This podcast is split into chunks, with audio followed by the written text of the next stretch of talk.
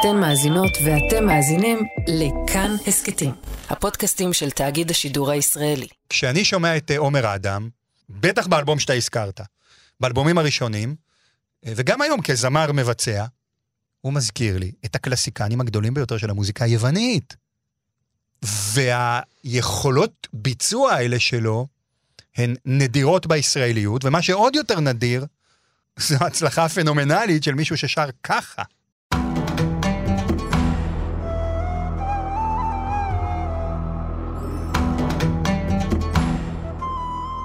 בין הלהיטים שלו תוכלו למצוא המנון גאווה להט"בי, שיר אמוני שהפך לקלאסיקה של הציבור הדתי, חידושים לשירים שמזוהים עם ישראל הישנה והטובה, לצד גרסאות עבריות לשירי חפלה מהעולם הערבי.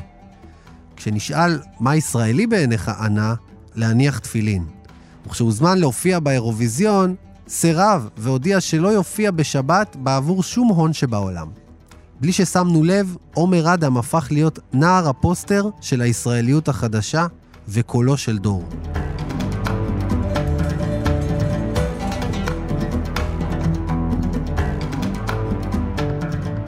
ברוכות הבאות, ברוכים הבאים לשרשרת זהב. אני אופיר טובול, מזמין אתכם בכל פרק למסע לליבה של דמות מהעולם הספרדי והמזרחי. דרך הדמויות ננסה להשלים מעט מהידע החסר בסיפור הישראלי והיהודי שלנו.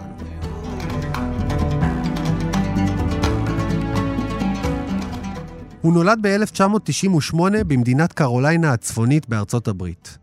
אביו הוא בן למשפחה ממוצא קווקזי, בעלת עבר צבאי עשיר, ואימו היא אומנית ממוצא אשכנזי. כבר בגיל 15 הוא פרץ לתודעה הציבורית בהופעה בעונה השביעית של כוכב נולד. ותוך פחות משנה הוא הפך ללהיט גדול במוזיקה הים תיכונית. מאז, בכל שנה שעוברת נראה שכוחו רק גדל. הגיע הזמן, אני חושב, לדבר ברצינות על עומר אדם. הזמנתי את עורך אגן הים התיכון בכאן ג', עומר בן רובי. שלום עומר, מה נשמע? שלום, שלום אופיר. אז תראה, מושבניק, גדל באמריקה, הכי אליטה שבעולם, פותח את הפה בגיל 15 ויוצא ממנו איציק קאלה קטן. מאיפה בא האשכנתוז הזה? תעזור, תעזור לי לפצח את הדמות. תראה, קודם כל, המוצא של המשפחה של אבא שלו הוא מוצא קווקזי, זה מרכז אסיה, הם אמנם ותיקים בארץ, כמו המשפחה של אימא שלו. זהו, שלא תחשוב שמדובר פה באיזה אה, אה, עולים חדשים מפולין, או באנשים כן. שהגיעו לפני 50-60 שנה ממזרח אירופה. זו משפחה ותיקה. כלומר, ה- הירושלמיות מדורות במשפחה הזו קיימת. ככה שזה לא הדבר הכי רחוק בעיניי לפחות, מאיזה סאונד שהוא ים תיכוני או. מזרח תיכוני. כן. כן, מצד האימא, והוא קווקזי מצד האבא, משפחה של גנרלים. הוא גדל בתקופה שבה, נושא שאתה מומחה לו, אה, עולם הקסטות המזרחי של שנות ה-80, של שנות ה-70 וה-80, התחיל לפנות לאט לאט את הבמה לז'אנר חדש במוזיקה הישראלית המזרחית, שזה הטורקיות שנכנסה ובגדול. זו התקופה שעומר אדם הילד גדל בה. אתה מדבר על מזרחית כבדה. נכון. שאגב, תמיד הייתה ועודנה בשוליים. כלומר, של גם המזרחית. של המוזיקה המזרחית עצמה. בדיוק. זה נכון שפה ושם היו הבלחות, בעיקר של אה, עופר לוי, של זהבה בן, של, אה, שרק, אז קראו לה רק זהבה, עוד לא זהבה בן אפילו, אה, של איציק קאלה שהזכרת, של אלי לוזון. אני שומע את כל אחד מהזמרים האלה שהזכרתי כרגע בעומר אדם. וברור לי לחלוטין שעליהם הוא גדל. עכשיו אתה אומר אשכנזי, מושבניק וכולי וזה. נכון, הוא גדל גם על אריק איינשטיין ושלמה ארצי. ולכן הוא ישראלי חדש. בגלל היכולת שלו להכיל את כל העולמות התרבותיים האלה, בלי בכלל להבחין ביניהם. הרי מה הייתה שאיפת חיינו? שהדברים האלה ישמשו. בערבוביה. כן.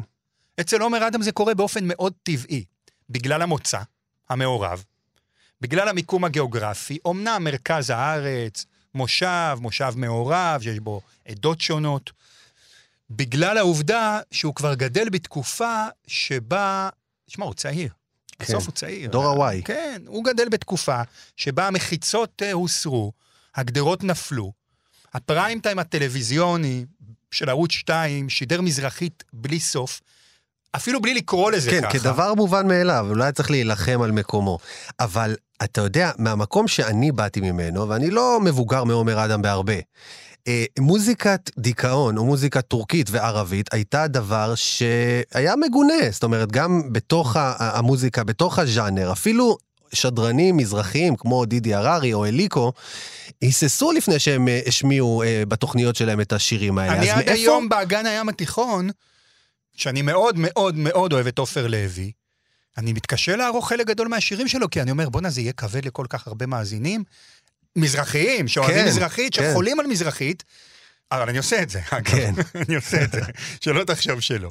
עד החזירי לי את בני. תשמע, יש גבול, אני עכשיו אתן להם עשר אז- דקות כאלה אז על מאיפה הבוקר. הביטחון של הילד הזה לקחת את השירים האלה, הכי כבדים, להפוך אותם, הוא עשה להם עיבודים אה, לדעתי חסרי תקדים, כן? נכון.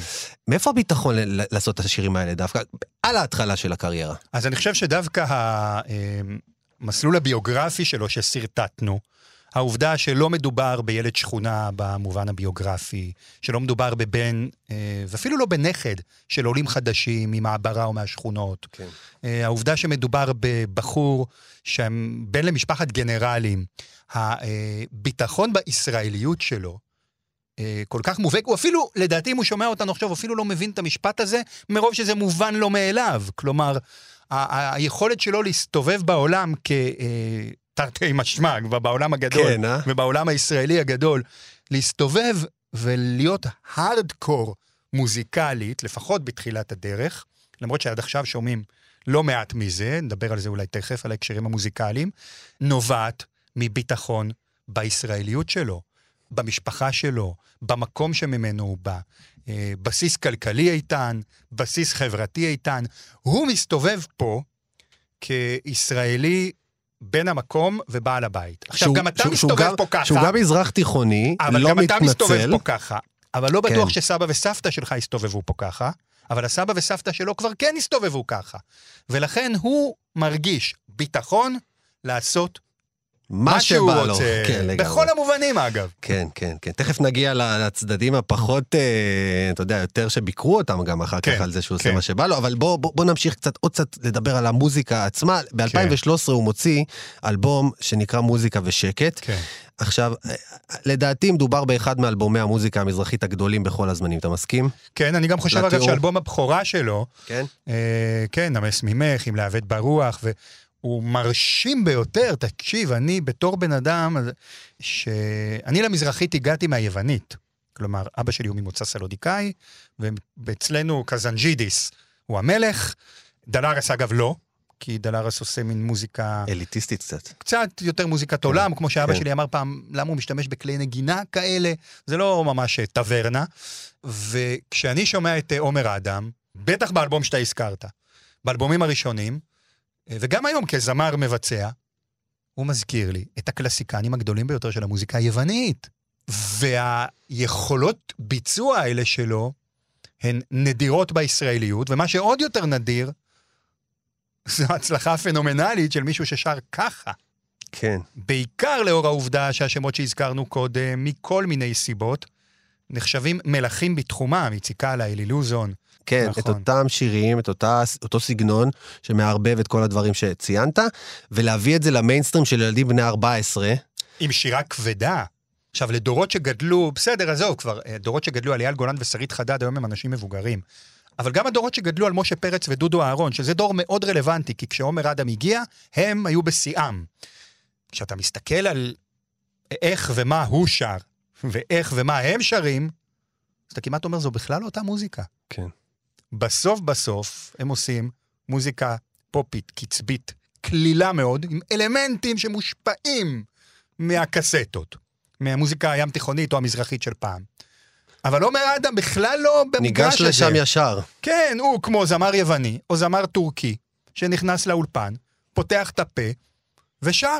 ועם זאת, יש משהו מאוד מאוד מעודכן בביצועים, בהפקה, זו הפקה מאוד מוקפדת, אתה יכול, כעורך מוזיקה, אני מתאר לעצמי לשבץ אותו אחרי אריאנה גרנדה ולפני אה, נועה קירל, בלי בעיה. והוא יחבר לי, אגב, בין שיר כן. חדש של נועה קירל לבין שיר ישן של איציק אללה. כי אם אני שם את עומר אדם בין להיט פופ עכשווי של אה, סטטיק ובן אל, אה, או נועה קירל, כמו שאמרת, לבין אה, קלאסיקת אה, אה, איציק אללה, אלי לוזון, עופר לוי, אני חושב שעומר אדם הוא אחד היחידים שיכול לחבר בינה לבינם, וזה יישמע טבעי, המעבר הזה. אה, ועורכי מוזיקה חיים את המעברים האלה, כי מה אנחנו הרי בסך הכל רוצים לעשות כל הזמן? לחבר בין... לנוע כן, בין ז'אנרים, לגמרי. ולעשות את זה בצורה טובה תגיד, ונעימה. אתה יודע, קורה לו משהו ב-2000, אחרי, אחרי שהוא אה, ככה כן. מגיע לשיא של זמר, שכל זמר מזרחי יכול להגיע אליו. כן. הוא ככה, חשבתי שהוא יכול למלא את קיסריה עד אה, שארית אה, ימיו אה, כל שבוע כן. בכיף, ולהיות מושמע בכל תוכניות אגן הים התיכון ודומיהם לנצח, אבל נכון. אז הוא מבין כנראה שהוא מגיע לאיזה תקרת זכוכית, ופתאום הוא... אולי משנה פאזה ואומר, עכשיו אני שלמה ארצי, רוצה להיות אה, משהו יותר ישראלי כאילו? זו שאלת מפתח שאין לי עליה תשובה חד משמעית, אני רק יכול לחשוב איתך בקול רם. אה, כי לפעמים אני חושב שאולי אה, הקהל עושה את הדרך אליו ולא הוא אל הקהל. כלומר, הוא לא מנסה לעשות דברים כמו שלמה ארצי, אבל הוא כן נמצא ב, כאילו בעולם המוזיקלי שלו ובעולם ההשראה שלו גם זה וגם זה. ובמובן הזה הוא מאוד יוצא דופן. כי, כי הדרך שבה הוא מסתובב בעולם ומשלב את הדברים האלה, בעיניי, היא לא פרי החלטה ממש. כן. היא לא איזה אה, חישוב אה, אסטרטגי גדול, אה, אני רואה גם... אולי איזושהי מבחינת- תחושת מיצוי שהייתה לו עם הז'אנר המזרחי, ואז הבנה שאם הוא רוצה להפוך, לא למלא את קיסריה, אלא את פארק הירקון, הוא צריך להבליט צדדים אחרים באישיות שלו, לא להמציא איזה משהו, פשוט להבליט צדדים, אולי צד קצת יותר אשכנזי באישיות שלו. כן, למרות שהשירה שלו בעיניי לא השתנתה. הביצוע שלו, תראו, הוא קצת התבגר, אבל אני לא חושב שהוא מנסה לטשטש משהו מהמזרחיות הכבדה שמאפיינת את הביצוע שלו. גם לא באחד מהשירים הכי יפים שיצאו במוזיקה הישראלית בשנות האלפיים בעיניי, שיר חדש שלו, לבד על המיטה, שזה בלדה מופלאה ו- וקסומה, שבדרך לפה אמרתי, שאלה של שדרני רדיו, בטח אתה תשאל אותי, טוב, מה שיר העומר אדם שלך? אז אמרתי, איך אפשר לבחור? ולא שאני כזה מעריץ גדול, אבל אני מעריך מאוד ומתרגש מאוד, וגם מבין מה הוא עושה. ובגלל זה, כשאתה אומר על, באמת בחמש, שש, שבע שנים האחרונות, הוא פתאום עשה איזה שינוי, אני לא בטוח שהוא עשה שינוי, ואני גם לא בטוח שזו עליית מדרגה, אני חושב שהוא אה, פשוט נוגע בעוד דברים, אה, ואני לא מופתע אם פתאום הוא מוציא איזה שיר טורקי כבד, שבא בתוך כל העולמות אה, שמתכתבים אתה רואה אותו מפופ מוציא מערבי. היום עוד פעם שיר כן. כמו מה מזה נגמר? כן, כן, כן, הלוואי. כן, נכון. וואי, זה שיר ענק. וואו, מדהים. כן, זה שיר ענק, וזה גם פיצוי אה, בעבורנו, הדור של... אה, באמת שגדל על, אה, על מוזיקה יוונית כבדה, ואחר כך על הטורקית, אה, שפתאום מקבל את זה ואומר, וואו, זה אמצע הדרך במוזיקה הישראלית, לא במזרחית. כן, זה והכ- לשפשף את העיניים. עכשיו, כשאתה מגדיר אותו זמר מזרחי, אז אני פתאום אומר, אני כבר, אני כבר לא יודע, אתה יודע, אני כבר, אני לא יודע, מה, המוצא המזרחי אצלו לא מובהק, הקריירה שלו היא חוצת ז'אנרים, כרגע. היא לא מאופיינת uh, מבחינת המסות של הקהל וההצלחה, ואני חושב שגם הפרופיל של הקהל, בטח הקהל כן. הצעיר, היא לא מאופיינת בקהל שהוא בעיניי מזרחי. מזרחי, לא. דווקא, לא, ממש לא. אני חושב שהקהל של נועה קירל, אתה יכול לראות את זה גם בשיתופי הפעולה שלו, עם נטע ברזילי ועם, אה, אה, כמובן, עם שלמה ארצי, אבל גם בדור החדש של הפופ, אתה יודע, הוא חלק מהם, חלק בלתי נפרד מחבורת הסטטיק ובן אל. ואז אני אומר, אז הבחור הזה, שבכלל לא התכוון, שהוא נראה נטול אידיאולוגיה לחלוטין בהתנהלות שלו, הוא לא נושא בעצמו שום איזשהו תפקיד בתרבות הישראלית מבחינת איך שהוא רואה לפחות את זה. הרי מה הוא תמיד אומר? אני באתי לעשות כיף, כן. ואני מאמין לו. הבחור הזה, הוא אחראי פה למהפכת ענק, כי זה נכון שהמזרחי הפך למיינסטרים בשנים האחרונות, אבל אצל עומר אדם כבר אי אפשר להגיד מה מזרחי ומה לא מזרחי, כי הפופ שלו הוא אמצע הדרך זה, לחלוטין. זה, זה בעצם ניסוח אה, חדש של, של הטעם הישראלי, בעצם, אומר האדם, ו, ואתה יודע, הוא, הוא לא יניף דגל מזרחי, אבל בעיניי הוא סמל. אה, למה זה מזרחיות היום? מזרחיות ישראלית מאוד, ובאמת אולי בנקודה הזאת שווה לדבר על המסורתיות של עומר אדם, אם כבר אנחנו מדברים על ישראליות חדשה. כן, כן, כן. אז הדוגמה, לדעתי המובהקת, ב-2019, הוא מוציא את ההמנון, ההמנון של המסורתיים, יום שישי. כמו מין יום שישי את יודעת, רק שאתה כן. תיארת שבמקום אה, מסיבה כל הלילה, יש יום, אה. יום השישי ויחולו השמיים והארץ. נכון. ובמקום שבת בבוקר יום יפה, שכתבה תרצה אתר לאריק איינשטיין, ואז הולכים לירקון, לשוט בסירה, ואבא כן. קורא המוניטון, נכון? השיר, התיאורים האלה של השבת, כפי שהכרנו אותה לאורך דורות במוזיקה הישראלית, הפופולרית, אמצע הדרך, אה, היו בעיניי, מחילה, אה, מנותקים לחלוטין מהווי השבת של מרבית הציבור הישראלי. שלי, כן, הולכים לבית כנסת בבוקר. כן, זאת אומרת, אבא שלך מעיר אותך ואתה... ופתאום אתה מבין שהיה חוסר סינכרון מוחלט. אה, המקום היחידי שהיה מסונכרן לזה, זו הייתה מוזיקה מזרחית. צלילי הקרב וצלילי האוד, כן. חיים משה וזוהר ארגוב. אגב, יום שישי הגיע, אביהו מדינה. נכון, כל ה... אתה יודע, כל עולם הפיוט שמצא את עצמו בתוך העולם המזרחי כחלק בלתי נפרד מהפסקול, לצד אלכסנדר פן ואלתרמן ו- הספציפי וביאליק. של יום שישי ברדיו, כן, שאתה עורך את אחת התוכניות הוותיקות, אבל שימו לב שיום שישי בצהריים ברדיו זה תמיד ים תיכוני. נכון, נכון, נכון. פתאום כשעומר אדם, אה, שוב, באופן כל כך פופי, פופי במובן להבדיל נניח משירי משוררים, להבדיל מעולם של רוק, כאילו, אתה מתכוון אורגני? אה, נורא טבעי, כן, כן. בלי להתכוון לבצע מהלך שיש בו, בלי אג'נדה, כן. נטול אג'נדה. בלי כל הדבר הזה, הוא אומר, עד היום בשירים ששמעתם על שישי שבת, שמעתם ככה. או שירים דתיים, אתם מקדשים את השבת, פיוטים וכאלה, או שירים של אמצע הדרך, של הפופ והרוק הישראלי, שבהם השבת היא. שבת של מסיבות, או כן. הולכים לשוט ב- בירקון בסירה. בשבת שלי, אומר עומר אדם, יש ים ביום שישי וקידוש בערב שבת. ומה זה אם לא מסורתיות? המסורתיות הזו היא האמצע של האמצע. וגם עומר אדם הוא האמצע של האמצע. והם הולכים יד ביד, שרשרת זהב אמרת, נכון? מדהים, כן, כן. תגיד, ו- ואז מגיעה הקורונה.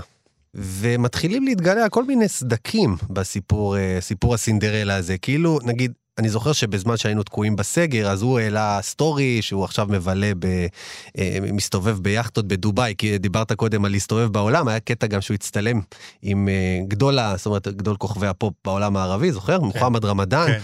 אה, מסתובב עם... והשיא, כמובן, השיר כקדילה, שזכה לגינוי מקיר לקיר, כאילו שיר סקסיסטי על בחורה רוסייה וכולי.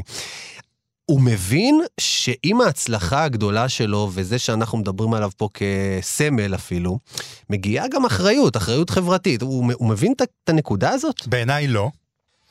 שוב, מאותו מקום של אה, קריירה שמתנהלת לה בצורה מאוד מקצועית, ויחד עם זאת, מאוד מאוד סטלבטנית. ואני אומר את זה במובן הטוב של המילה. כי ככה מתנהלים בעולם הפופ.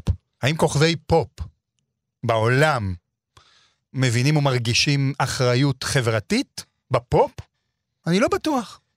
אם אנחנו מסתכלים, אתה יודע, על העולם כולו, אה, עולם של פופ, הוא עולם שמבחינתו מורד דווקא בכל הצרכים למלא איזה שהם פונקציות חברתיות כאלה כן. או אחרות, ובא לעשות fun. אה, באמצעות אה, הפקה מאוד מושקעת ומוקפדת, אה, הכל אז מאוד אולי, נוצץ, אולי זה עוד חלק טוב. מהשינוי של ישראל בעצם. זהו. שפעם, אני אומר, אם אני מתייחס לעומר אדם כאריק איינשטיין של דורנו, תכף תגיד מה אתה חושב על ההגדרה הזאת. כן.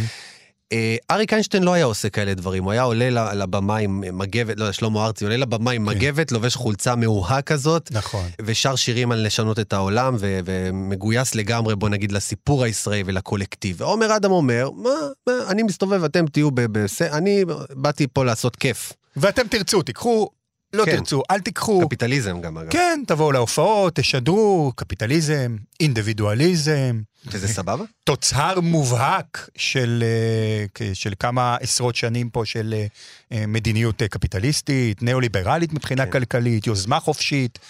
תראה, כשהיה לה איזה משפט בדור של ההורים שלנו, שרוצים קצת להיות מדינה ככל העמים, רוצים קצת להיות כמו כולם. שנייה, רגע, שנייה.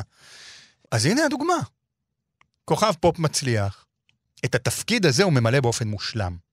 הוא מבלה, הוא נהנתן, הוא יוצא עם הבחורות הכי יפות, הוא לא ממהר להתחתן, הוא מסתובב בעולם, ממלא אולמות, הוא עושה שיתופי פעולה. הוא אפילו לא מתמסר ולא מתראיין, הוא לא מופיע בתקשורת כמעט. טוב, אין לנו הרי ספק, נכון, שהציעו לו להיות אה, שופט בריאליטי, כן. בעולם לא של. זכייניות ורייטינג. הוא לא בא לשם. הוא לא בא אפילו שיעשו special מהשירים שלו, אבל נכון לשנת 2022, הזמן שבו אנחנו מדברים, הוא הדמות הכי hard to get במוזיקה הישראלית. יותר משלמה ארצי. יותר מנועה קירל. נניח אם אני אומר שלמה ארצי מהוותיקים, נועה קירל מהצעירים. למה? כי הוא עושה מה שבא לו. הוא חייב למישהו משהו, הוא חייב להתראיין, הוא חייב להופיע, לא. זה פיור פופ. לתוך המזרחיות הזאת יש הפקות סופר מעודכנות שמעמידות אותו בשורה אחת עם מה שקורה בעולם, לגמרי. ובטח מה שקורה בארץ. בוא ננסה הישראלית. לחזות אה, איפה עומר אדם נמצא עוד עשר שנים. תראה, זה מה זה מסוכן לעשות את זה, כי הוא קצת בלתי צפוי. אתה חושב שהוא יסתבך באיזה משהו? תהיה שם הסתבכות, כמו שקרה עם אה, הרבה זמרים אה, ים תיכוניים אחרים, וכמו שקצת התחלנו, היה איזשהו רמז לדבר הזה בשנה האחרונה? ממש קשה לי. תראה, הוא בלתי צפוי. כלומר, מצד אחד הוא יכול להיעלם לחלוטין, כן, אה, הפך לאיש עסקים ב... לא, אפילו להיעלם לחלוטין ללמוד תורה ולמאוס אה, כן? בהכל. תשמע, לשבת באיזה מגדל. כן. אתה יודע, לעשות שם חברותות עם, אה, הילדים של. איציק תשובה, של יצחק תשובה ושל אקירוב. אני לא אומר, בוא, לא יסתובב, אתה יודע, הוא לא ישחק שש בש... זו אופציה אחת. הוא לא ישחק שש בש מאחורי הבסטה בשוק הכרמל. זה, כן. זה לא יהיה עומר אדם בכל מקרה. מצד שני, הוא יכול להיות אל, אל נדל"ן. זה מאוד מעניין אותו. ביזנס מעניין אותו, עסקים מעניינים אותו. אבא שלו הוא איש עסקים בינלאומי, זאת אומרת, שעושה עסקים עם העולם. זה נכון שבצד של אימא שלו יש נטיות אומנותיות מאוד מאוד גדולות, מובהקות, אומנות פלסטית, סבתא שלו היא ציירת ופסלת. יש גם אבל וכולי. אפשרות שהוא ימשיך להיות זמר מאוד מצליח, זהו. וימשיך לנסח לנו את הישראליות של אולי עוד 20 שנה. וזה מה שהיינו רוצים שיקרה. כן. שימשיך, יתקדם, יתפתח, ויראה לנו לאן המוזיקה הישראלית, שפעם קראו לה מזרחית, והיום ברור שהיא מוזיקה ישראלית של אמצע הדרך, לאן היא עוד יכולה להגיע? מי יכול להראות לנו את זה ולהשמיע לנו את זה? בעיניי עומר אדם. תודה רבה לך.